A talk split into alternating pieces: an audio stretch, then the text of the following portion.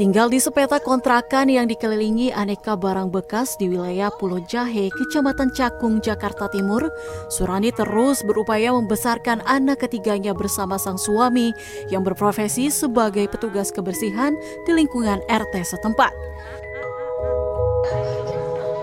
Anak ketiga Surani, Muhammad Nurjagat, lahir dalam persalinan normal dengan berat dan tinggi badan normal. Namun, seiring masa pertumbuhannya, Jaga selalu menolak dan sering memuntahkan makanannya sehingga Surani hanya memberikan ASI untuk nutrisi buah hatinya itu. Yang menjadi persoalan, Surani kurang memperhatikan kualitas gizi makanan yang ia konsumsi, sehingga berpengaruh pada kualitas asinya.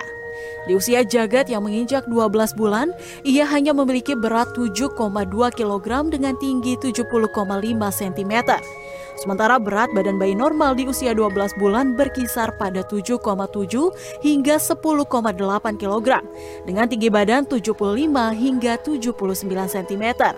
Dengan kondisi berat dan tinggi badan yang berada jauh di bawah rata-rata, Jagat didiagnosa dokter mengalami stunting.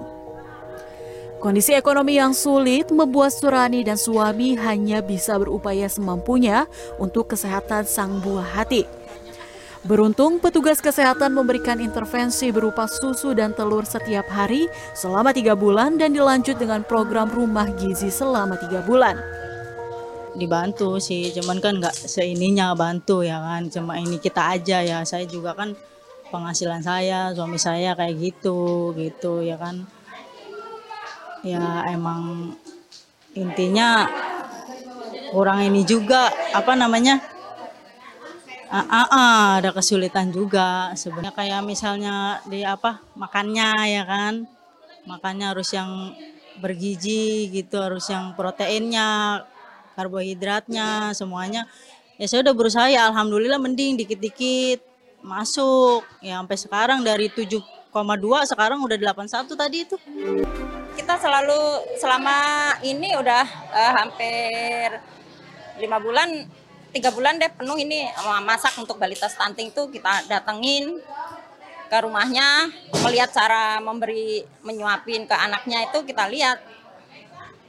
Ya dikasih susu telur tuh dari dari puskes dari kelurahan tuh ada.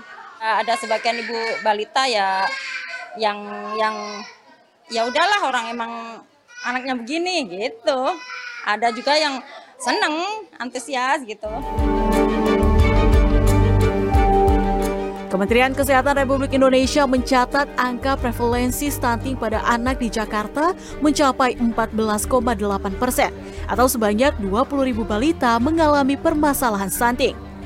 Secara jumlah keseluruhan, Kecamatan Cakung menduduki posisi lima besar kasus stunting tertinggi dengan jumlah bayi stunting sebanyak 172 balita pada 2023 akhir Cakung sendiri karena memang angka 172 angka 172 ini memang tinggi se-Jakarta Timur.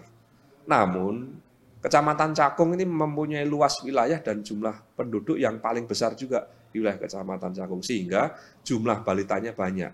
Ya kebetulan di akhir tahun 2023 ada program dari Pemprov DKI, kami memberikan makanan tambahan, dihadirkan di dalam suatu pos gizi atau di kantor kelurahan atau di RPTRA bareng-bareng makan yang disediakan oleh Pemprov DKI untuk eh, penanganan stunting ini. Itu berupa makanan yang khusus untuk anak-anak, ditambah telur, susu, berikutnya juga ada yang dibawa pulang. ya Sehingga eh, penanganan ini tidak hanya kepada ibu dan anak, tapi juga keluarganya ikut menikmati.